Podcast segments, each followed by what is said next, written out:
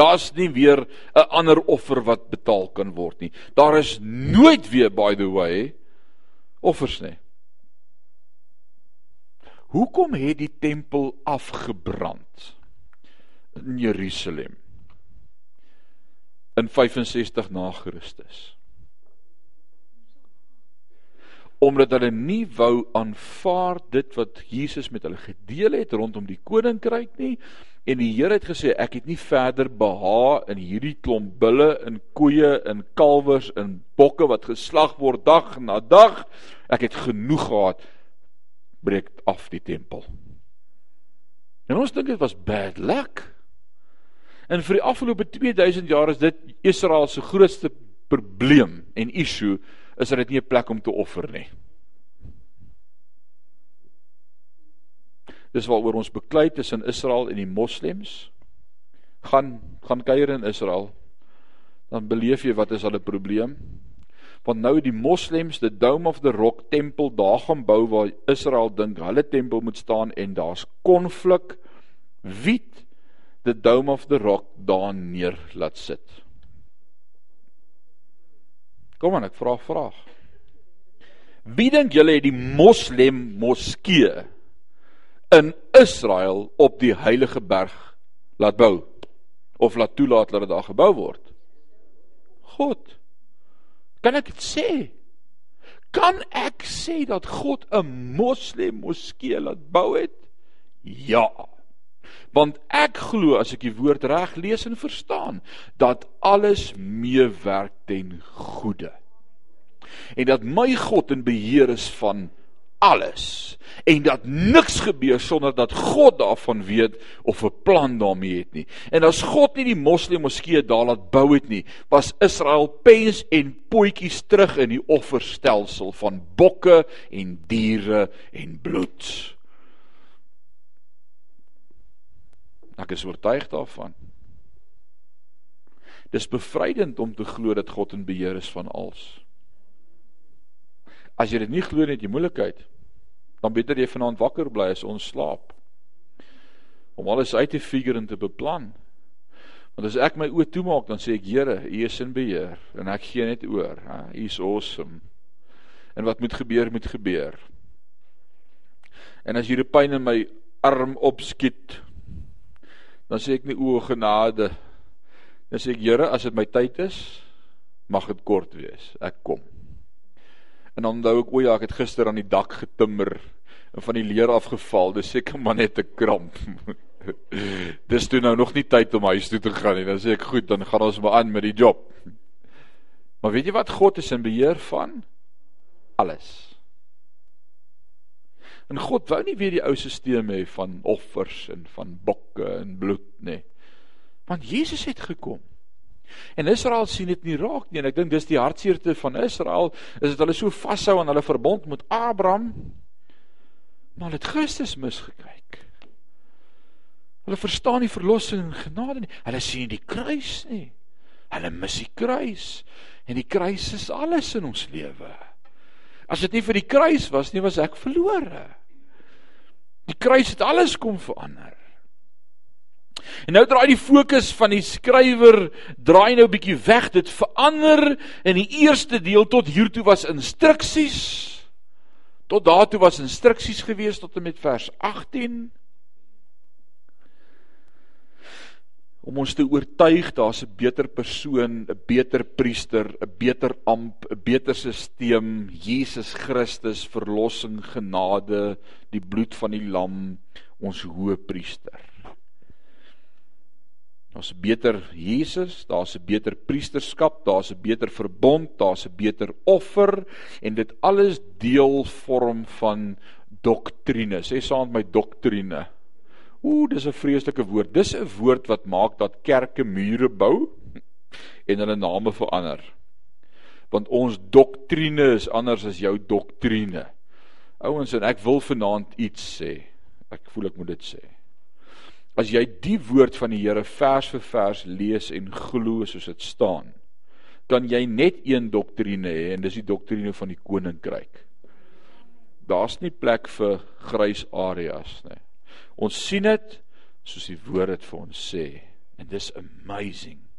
Maar nou begin hy wegdraai van doktrine af en nou gaan dit oor pligte en verantwoordelikhede en vermaanings en hy vermaan ons tot 'n beter lewe. Hy sê jy kan nie al hierdie waarheid gekry het en dieselfde bly nie. Jy kan nie. En wie kan sê amen? Jy kan nie al hierdie goed hoor oor 'n beter verbond, 'n beter priesterskap, 'n beter hoëpriester, 'n beter offer en dieselfde bly nie. Jy jy kan nie onveranderd bly nie. Jy kan nie. Net soos wat nie, iemand nie by die kruiskant kniel, sy lewe vir Christus gee en net aangaan met sy lewe voor die kruis nie. Jy kan nie, dis onmoontlik. Daarom sê Jakobus as hy skryf in Jakobus hoofstuk 2, hy sê wys my jou werke, dan sal ek vir jou sê of jy glo of nie. Dis wat hy sê. Dan sê jy sien werke kan jou red, want dis wat Jak nee, Jakobus sê, as jy regtig sê dat jy by die kruis gekniel het en jou lewe verander het, gaan jy dinge doen wat pas by die kruis. Dis wat hy sê. As jy as jy sê jy lewe het verander, gaan jy anders loop as voor die tyd, jy gaan anders praat as voor die tyd, jy gaan alles anders doen as voordat jy by die kruis gekniel het. So jy sê jy glo, wys my wat jy doen en dan sal ek vir jou sê of jy regtig glo. Want ou wat regtig glo, praat nie meer soos voor die kruis nie, lyk nie meer soos voor die kruis nie, tree nie op soos voor die kruis nie, kuier nie by die plekke soos voor die kruis nie. Jou lewe sê I've changed. And God changed me. Want jy kan jouself nie verander nie. En vir te lank het kerk gepreek Dis hoe jy moet lyk, dis hoe jy moet ryk, dis hoe jy moet loop en as jy al hierdie goed doen, dan kan jy deel wees van kerk. En weet jy wat? Mense wil vreeslik graag deel wees van die assosiasie. So ons kry in kerk mense wat perfek lyk. Beautiful. Sê nie 'n woord skeef vir sy vrou by die kerk nie. Maak tot vaar die deur oop. Laat haar voorloop. Bring sy hele gesinnetjie in, maak 'n bank vol. Elke Sondag op elke plek. Gee sy geldjies vir die offergawe. Maar as hy daar uitstap huis toe, is dit nog steeds 'n onveranderde mens. Want jou vrou weet saam met wie bly sy die hele week by die huis.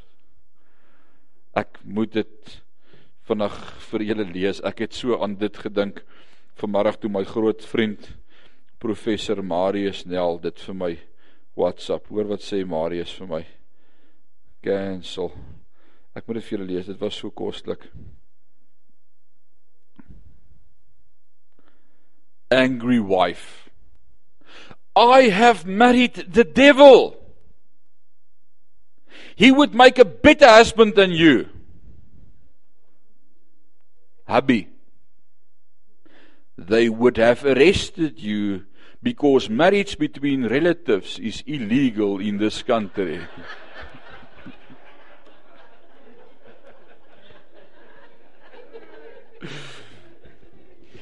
En dis die probleem. As ek nie regtig by die kruis uitgekom het nie net probeer alles doen sodat ek lyk soos die kerk. Die probleem is die mense wat saam met jou daar by die huis sit, Hulle kan getuig dat jou lewe nog nie verander het nie. Dat jy nie by die kruis uitgekom het nie. En dat jy nie regtig 'n lewe het wat lei wat sê I've been changed nie. My chains are gone, I've been set free. My God, my Savior has ransomed me. Jou lewe moet verander en jy kan nie jou lewe verander nie. Net God kan jou lewe verander. So nou Nou skop ons ratte in na wat moet ek nou doen? Hoe moet ek lyk nadat ek verlossing verstaan, nadat ek 'n beter verbond? Wat hoe moet ek lyk? Vers 19. Terwyl ons dan broeders en susters, dis die aanspreekvorm vir lidmate van die kerk, net soos wat mans deel uitmaak van die bruid van die Here Jesus Christus. Imagine dit daar nie. Ons manne is deel van die bruid. Net soos die vroue deel van die broeders, die kerk, right, dis maar die aanspreekvorm. Terwyl ons dan broeders vrymoedigheid het om in die heiligdom in te gaan deur die bloed van Jesus op die nuwe en lewende weg wat hy vir ons ingewy het deur die voorhangsel heen. Dit is sy vlees en ons 'n groot priester oor die huis van God het. Laat ons, sê saam met my, laat ons. Nou hier hier kom nou my verantwoordelikheid. Wat moet ek nou doen? Nou dat nou dat die voorhangsel geskeur het en Jesus sy sy liggaam gegee het as prys en en ek verlossing en saligheid beleef, wat wat moet ek nou doen? Laat ons toetree met 'n verragtige hart in volle geloofsversekerheid. Met ander woorde, ons moet glo. Waar waar wat is die vertrekpunt in my en jou lewe? Geloof, sê geloof. Dis waar ons begin. Laat ons glo. Die harte deur besprenkeling gereinig van 'n slegte gewete. Nou wat was die besprenkeling waarvan waarvan die skrywer hier praat? Ek gaan nie my hele intro oor doen nie. Vir wie skryf die skrywer hierdie boek? Vir Jode. Die ou stelsel. Waar het besprenkeling ingekom in die ou stelsel? Daar in die tempel, reeds in die tabernakel, hiersop takkie, bloed van die offer wat daar buite op die altaar was, onder deur die voorhangsel in die allerheiligste tafel, wat is hierdie verbondsark toegemaak met die versoendeksel? Right? The mercy seat, pragtige Engelse beskrywing vir versoendeksel, twee engele, bloed, hiersop takkie, doop 7 keer op die vloer spat, 7 keer op die versoendeksel spat. Dit was die offer. So waarvan praat hy? Hy sê ons harte is nou gereinig van 'n slegte gewete. Nou wie het ons harte kom skoon spat? O, oh, dis die werk wat Jesus gedoen het aan die kruis. En die oomblik toe ek hom aanneem, toe is dit die werk en hy vergelyk dit met dieselfde as om die bloed te spat op die versoendeksel. Hy sê dis wat Jesus met jou kom doen het. Nou kom ons gaan gou-gou net bietjie verder terug, Ou Testament. Uh Moses. Wie van julle onthou vir Moses? Wie het hom geken? Niemand nie. Okay. Nou Moses Moses, die leier van die volk. Farao, ons wil trek. Eerste plaag. Farao sê nee. Tweede plaag, derde plaag, negende plaag, tiende plaag. Farao, laat God se mense trek. Farao sê vir die negende plaag. Nee, daardie 10de keer sê God vir sy volk, nou vat julle 'n lam, 'n bokkie volmaak sonder gebrek. Slag die hele bokkie, kook die hele bok, eet die hele bok as gesin saam, vat die bloed van daardie bok hierop takkie deurposte. Toe die deur bly binne verderwe sal verbygaan. Pasag, Hebreëse woord vir Pasga of nagmaal, Pasag, die woordjie Pasag beteken die verderwer gaan verby. Dit wys dit die openbaring. Dis dis wat dit beteken. Wat beteken die nagmaal in my en jou lewe? Die verderwer moet verby bly want ek is deel van die liggaam van Christus. Hy het vir my gesterf aan die kruis. So maklik soos dit. Niks moeilik om te verstaan nie. 'n bok vir 'n gesin. En daai perfekte bok was reeds profeties van wie's die offer wat sou kom? Jesus Christus sonder vlek en rimpel vir 3 dae die hoëpriesters hom geïnspekteer. Dit was by Kajafas gewees, hy was by Pontius Pilatus. Pontius Pilatus sê ek vind geen skuld in hom nie. Hy's 'n onskuldige man, kruisig hom. Maak nie sin nie, né? Dis presies wat die hoëpriester sou doen elke keer met die Pasga, elke jaar met die Yom Kippur, die Joodse fees, is hy sou na daardie offer kyk en sê daar's met hierdie offer niks verkeerd nie. Sit hom op die altaar. Dit gebeur met Jesus. Profeties van Jesus wat sou kom vir my en vir jou. En nou word ons deur daardie bloed gereinig. Net soos wat die bloed aan die voorposte gesmeer moes word om dit te beskerm, dis wat Jesus gesê moet gebeur nou met my. Nou waarvan word ek nou beskerm as ek God se kind word en hierdie bloed in my hart besprinkel word? Waarvan word ek beskerm? Wat sê julle? Praat met my. Wat is die voordeel daarvan om nou die bloed van Jesus ah, sê gou weer, die ewige lewe. Jesus sê, julle sal lewe al het julle ook gesterwe. Die verderwer kan nie jou lewe by jou vat nie. So moenie weer benoud raak as daai pyn in die arm kom nie. Niks kan jou skei van die liefde van nie eers die dood nie. Paulus sê, Vir my is dit verreweg die beste om by Jesus te wees. Want as ek hier uitleef, 2 Korintiërs hoofstuk 5. As ek hier uitleef, weet ek dat ek inleef by God. Hierdie is net my aardse tentwoning. En ons sug, maar ons sug nie soos hulle wat geen hoop het nie. 1 Korintiërs 5:10. As ons op hierdie lewe alleen hoop vir Christus, ons is die ellendigste van alle mense. Maar ons hoop net op Christus vir hier en vir nou nie, maar op die ewige lewe. Ons is op pad hemel toe. Sê vir jou langs jy ek so pad hemel toe. Jy die ewige lewe. Hou op worry. Alraight. Ons het vanmôre vir mekaar gesê wel geluksalig. En toe sê ons mekaar wat beteken dit in Engels? Oh so smile net 'n slag. En Dawid sê gelukkig is die man wat weet dat sy sonde vergewe is. Gelukkig. Smile. Sê vir jou gesig smile. Alraight. So wat gebeur?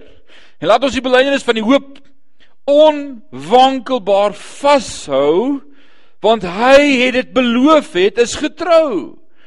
Hy laat ons op mekaar ag gee om tot liefde en goeie werke aan te spoor en laat ons ek like Hebreërs 10:25 laat ons die onderlinge byeenkomste nie afskeep soos wat sommige die gewoonte het nie maar laat ons mekaar vermaan en dit des te meer na mate jy die dag van God sien nader kom staan dit in jou Bybel so dink dit staan in myne so net so Laat ons mekaar vermaan. So hier's nou 'n paar dinge van laat ons. Wat moet ek nou doen? En ek wil dit vinnig vir jou goed. Hier het nou vier goed so ver uitgespring van laat ons. En dis nie werke nie. Dis die gevolg van 'n gelewe 'n lewe wat glo. Dis die gevolg daarvan. So jy kan nie vanaand hierdie vier goed begin doen en dink jy gaan gered word. Hierdie vertrekpunt was Jesus Christus. Dis die enigste punt, is Jesus Christus. Maar as jy glo, gebeur nou hierdie goed. Wat is die eerste ding? Ons moet toetree. Hy sê nou dat jy verstaan, daar's 'n beter verbond, daar's 'n beter hoëpriester, daar's beter voordele, daar's 'n beter offer wat betaal is, jy's deel van die koninkryk van God. Wat beteken die woord toetree?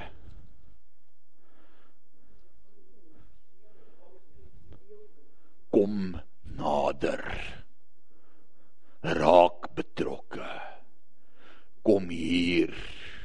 Moenie daar ver staan apaties eenkant stilletjies in die agterste moedersbanke nie. Kom net hier. As jy verstaan wat God vir jou gedoen het, dan kom jy nader. En jy wil nader. En jy wil nader. En jy soek meer. Ek is u Heer. Ek het u stem gehoor.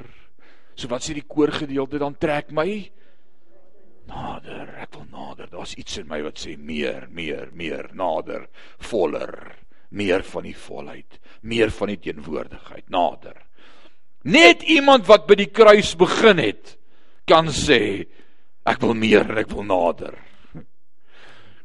Hy wat die werk in my begin het, sal dit volëindig. Die woord sê dis hy wat in ons werk om te wil. Ek wil nader, nee, dis hy wat in jou werk om te wil nader. Woord van die Here sê so mooi Paulus skryf van die gemeente in Romeine in, in Romeine en hy sê in Romeine 2 vers 13, hy sê niemand soek God nie. Niemand wil nader kom nie. Niemand wil in 'n verhouding met God staan nie. Maar as hy in my werk om te wil, dan sê ek nie meer my wil nie, maar u wil.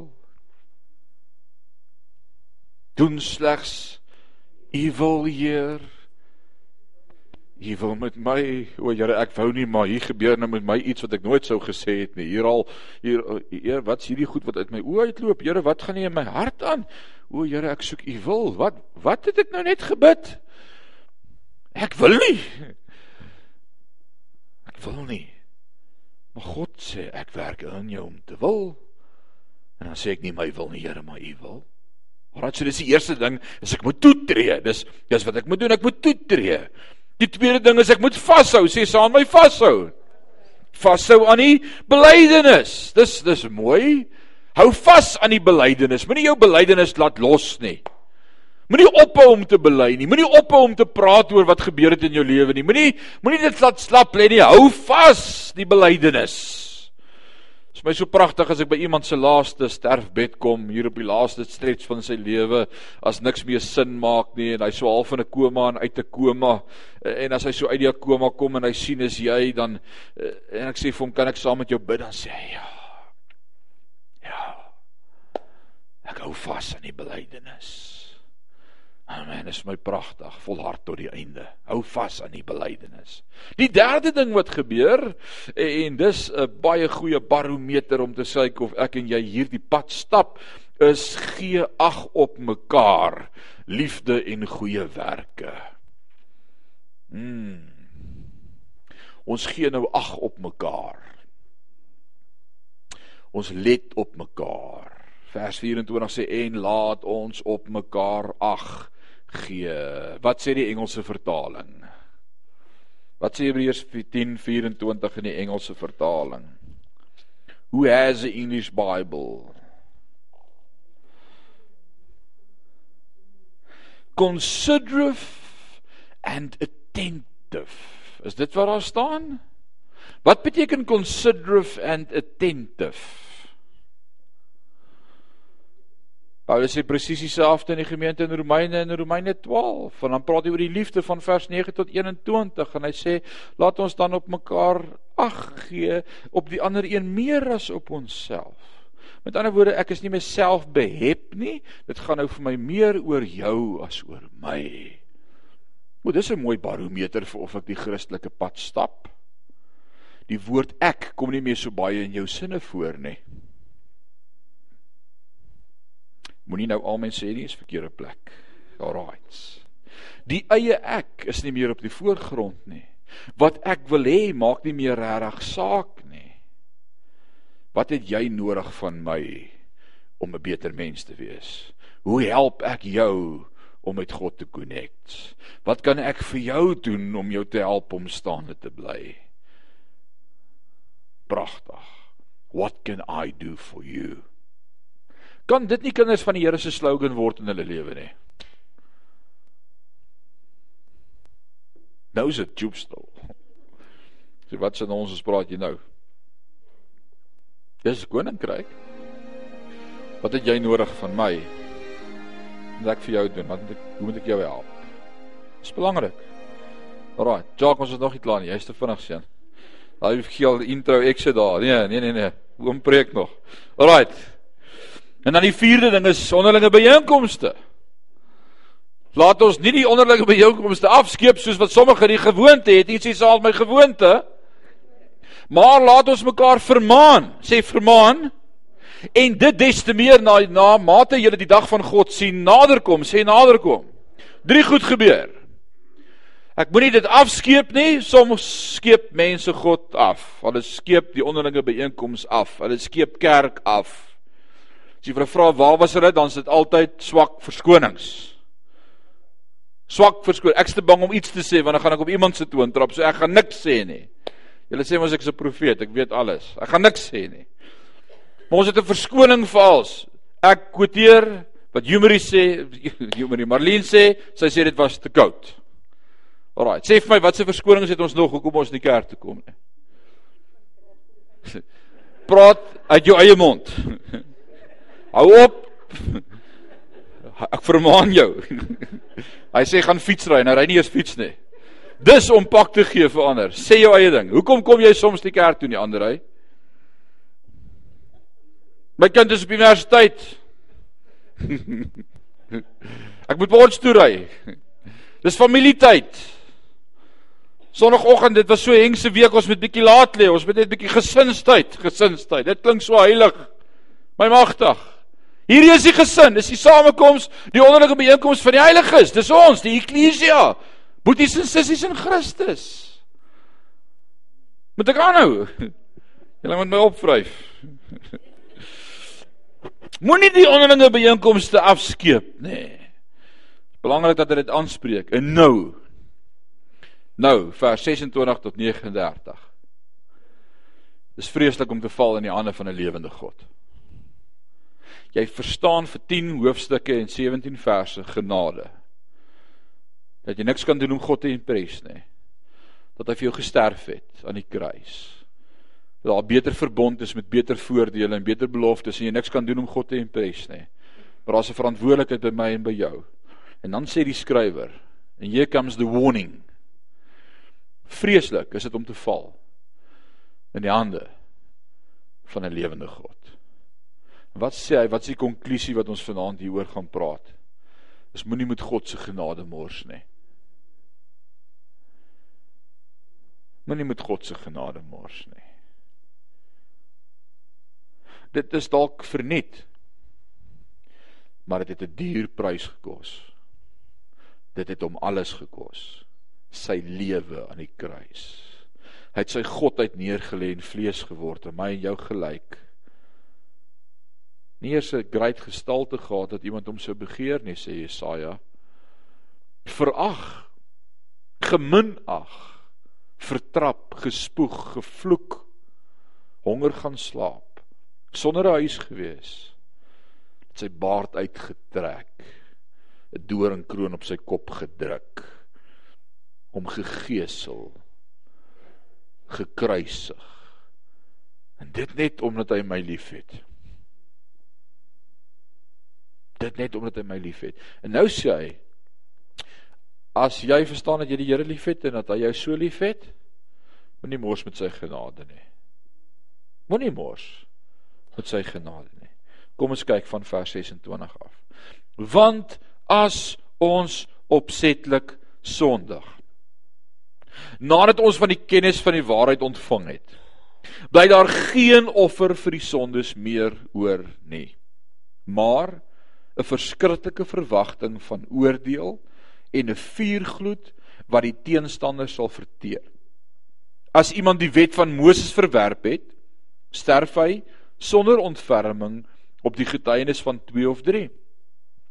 Hoeveel swaarder straf dink julle sal hy verdien wat die seun van God vertrap en die bloed van die testament waardeur hy geheilig is ontrein geag en die gees van genade gesmaad het.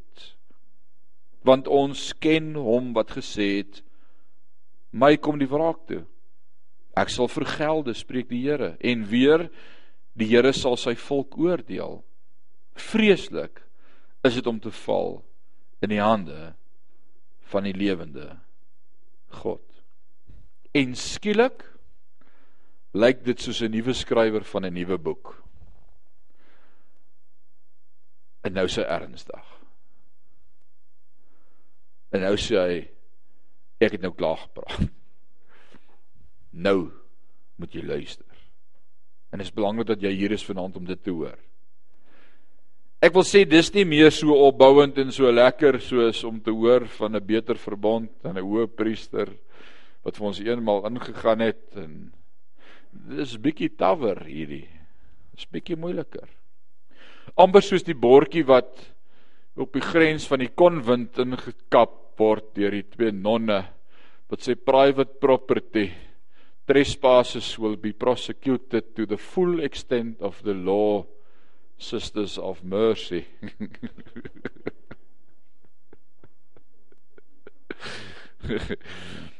dis bietjie contradicting nê die hele boek sover het gegaan oor mercy oor genade oor hoe pragtig en hoe mooi en hoe awesome en hoe great alles is in Christus. En ewe skielik is hierdie bordjie voor ons vanaand wat sê: Pas op. Wat erg is dit om te val in die hande van 'n lewende God. En dit is net soos wat hierdie gedeelte ons tussen die oë tref. Hy sê kom na Jesus, hy is die weg, hy is beter, die voorhang sal dit geskeur. Hy offer vir ons by die Vader, maar as jy opsetlik sondige samelikheid. En ewe skielik met die eerste oogopslag skrik jy so effe. Is dit weersprekend? Is dit weersprekend die res van die boek? Nee. Dis eintlik 'n wonderlike gedeelte vanaand dis eintlik awesome. En ek wil dit vir jou verduidelik hierdie awesome gedeelte vanaand. Ja, dis 'n waarskuwing, maar word meestal deur die vyand gebruik om ons weg te hou van God af. Hierdie gedeelte.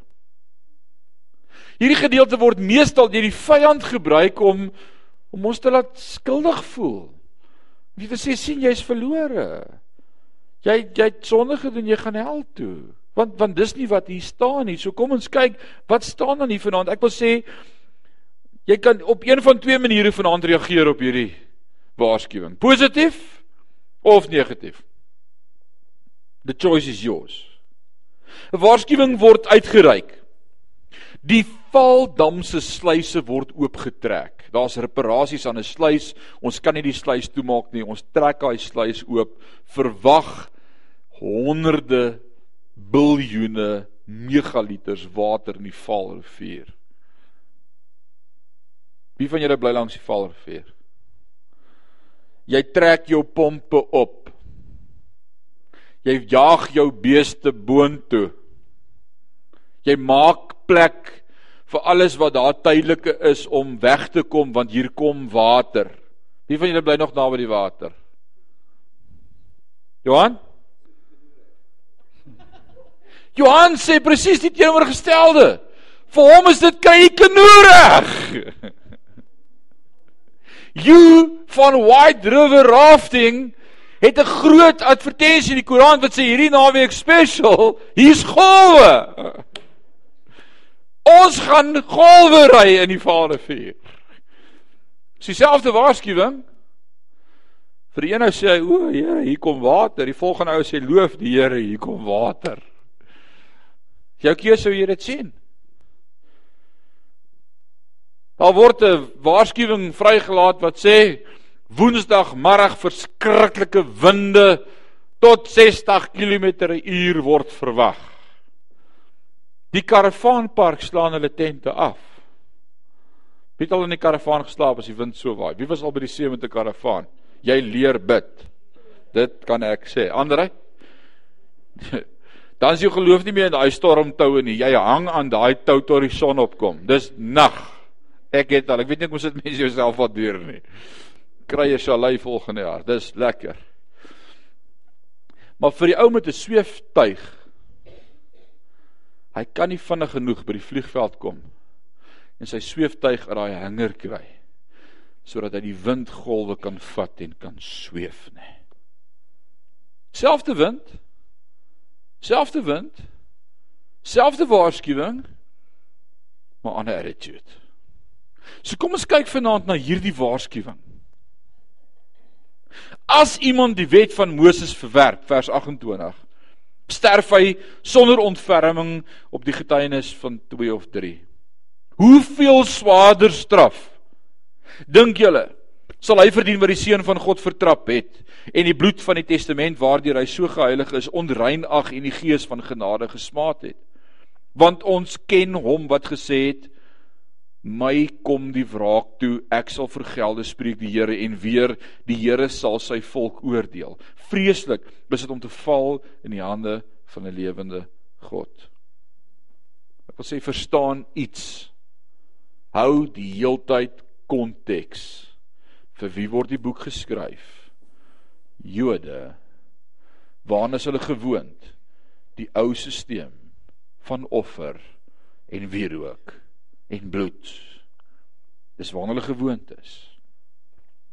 En dan kom hierdie waarskuwing wat sê as jy teruggaan na die ou stelsel nadat jy verstaan daar's 'n nuwe manier van Christus en van genade en van die Heilige Gees en jy wil teruggaan na die offerstelsel toe dan is daar nie meer vir jou 'n offer wat genoeg gaan wees nie want daar is net een offer gewees en dis Jesus Christus.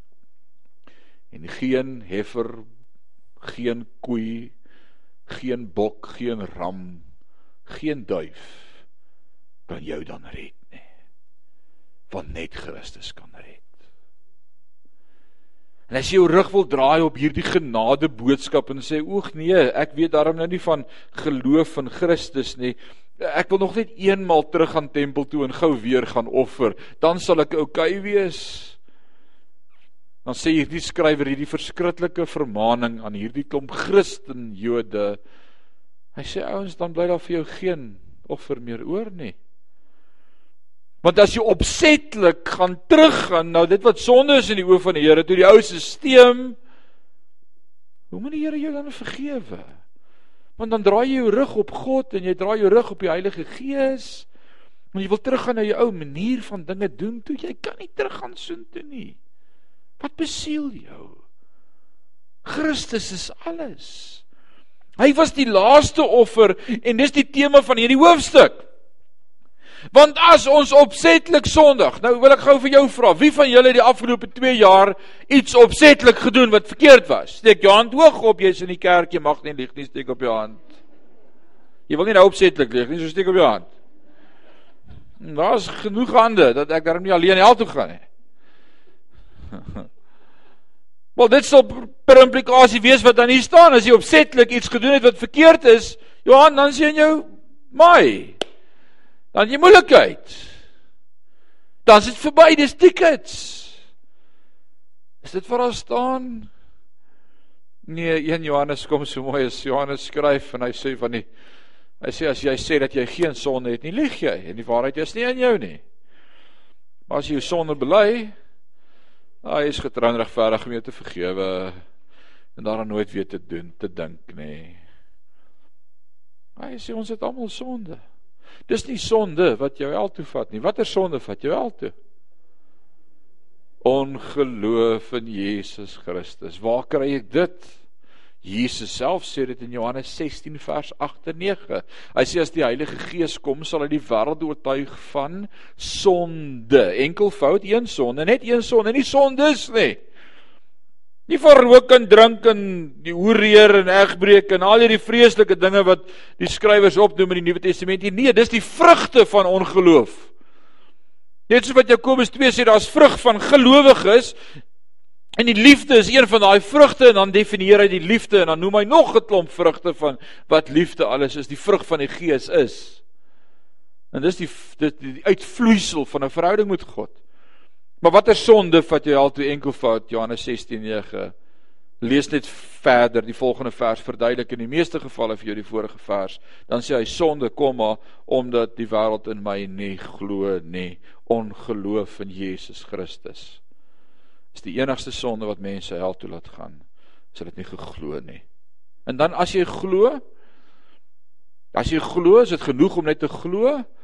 Daai woordjie glo dan sit jy jou volle gewig. Sê volle gewig dan sit jy jou volle gewig in wat jy glo en dit verander jou lewe. Want jy kan nie glo en dieselfde bly nie. Die woord sê die duiwels glo ook in hulle sidder. Met ander woorde, gelowige is iemand wat se lewe so verander dat hy sy volle gewig sit in Jesus Christus.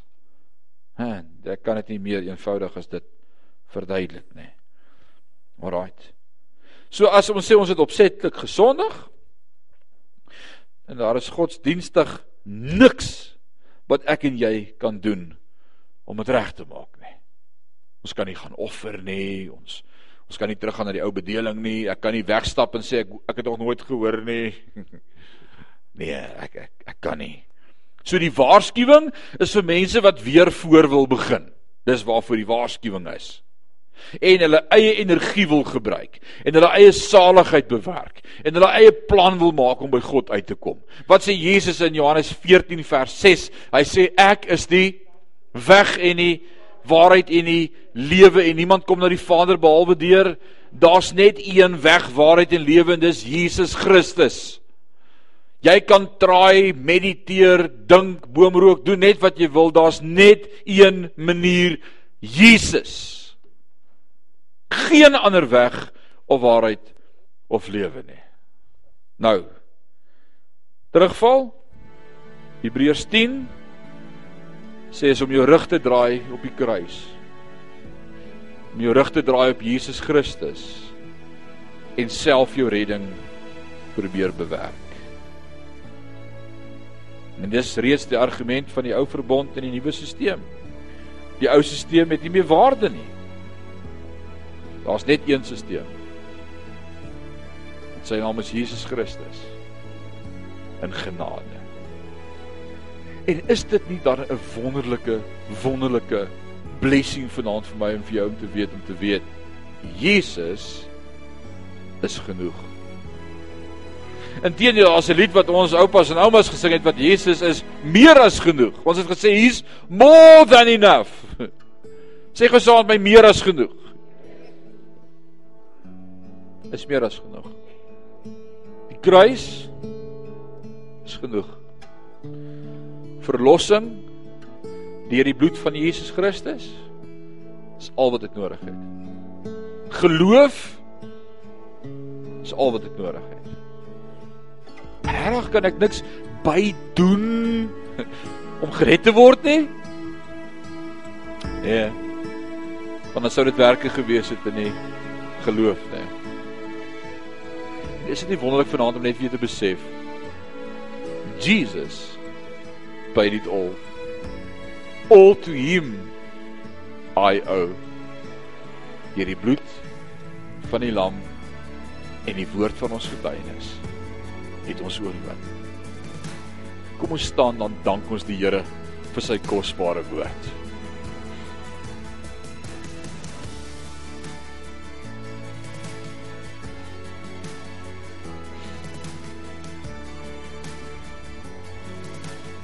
Ewige God en Hemelse Vader, hoe wonderlik vir ons vanaand om so deur u woord se blaaie te mag blaai en wonderlike openbarings te ontvang deur die Heilige Gees van wat U in ons in U woord vir ons opgeteken het. Om vanaand weer te besef U is alles. U is alles. U is alles. En ons het niks meer nodig nie. Die woord sê hy wat die seun het, het die lewe en sal lewe al het hy ook gesterwe. Spraal voel vanaand so brandend in ons harte. Ons is so opgewonde oor die woord en as ons sommer net weer terugdink aan dit wat Paulus skryf aan die gemeente in Hebreërs, ag in Romeine as in Romeine 8 sê, wat sal my kan skei van die liefde van Christus? Geen hoogte of diepte, lewende, dooie, engele, bose magte, teenwoordige, toekomstige dade, honger, naaktheid, gevaar, swaar, niks kan ons skei van die liefde van Christus nie. Maar dat hy daardie hoofstuk begin in vers 1 van Romeine van Romeine 8 as hy sê daar is dan nou geen meer veroordeling vir die wat in Christus is nie. Vir die wat nie meer wandel volgens die vlees nie, maar volgens die Gees. Here, dankie vir ons posisie in Christus. Dankie dat ons seker mag wees van wie ons is in die kruis. En die werk wat U vir ons gedoen het wat volmaak was. En dat ons net kan vrede hê en kan asemhaal en kan rustig word om te weet as God vir ons is, wie kan teen ons wees? Ons eer U daarvoor vanaand. Word verheerlik in en deur ons in hierdie week wat voorlê. Maak ons kruis bewus. Maak ons God bewus. Maak ons Heilige Gees bewus. Maak ons ons posisie bewus. Ons eer U daarvoor. In Jesus naam en sê ons sê amen en amen.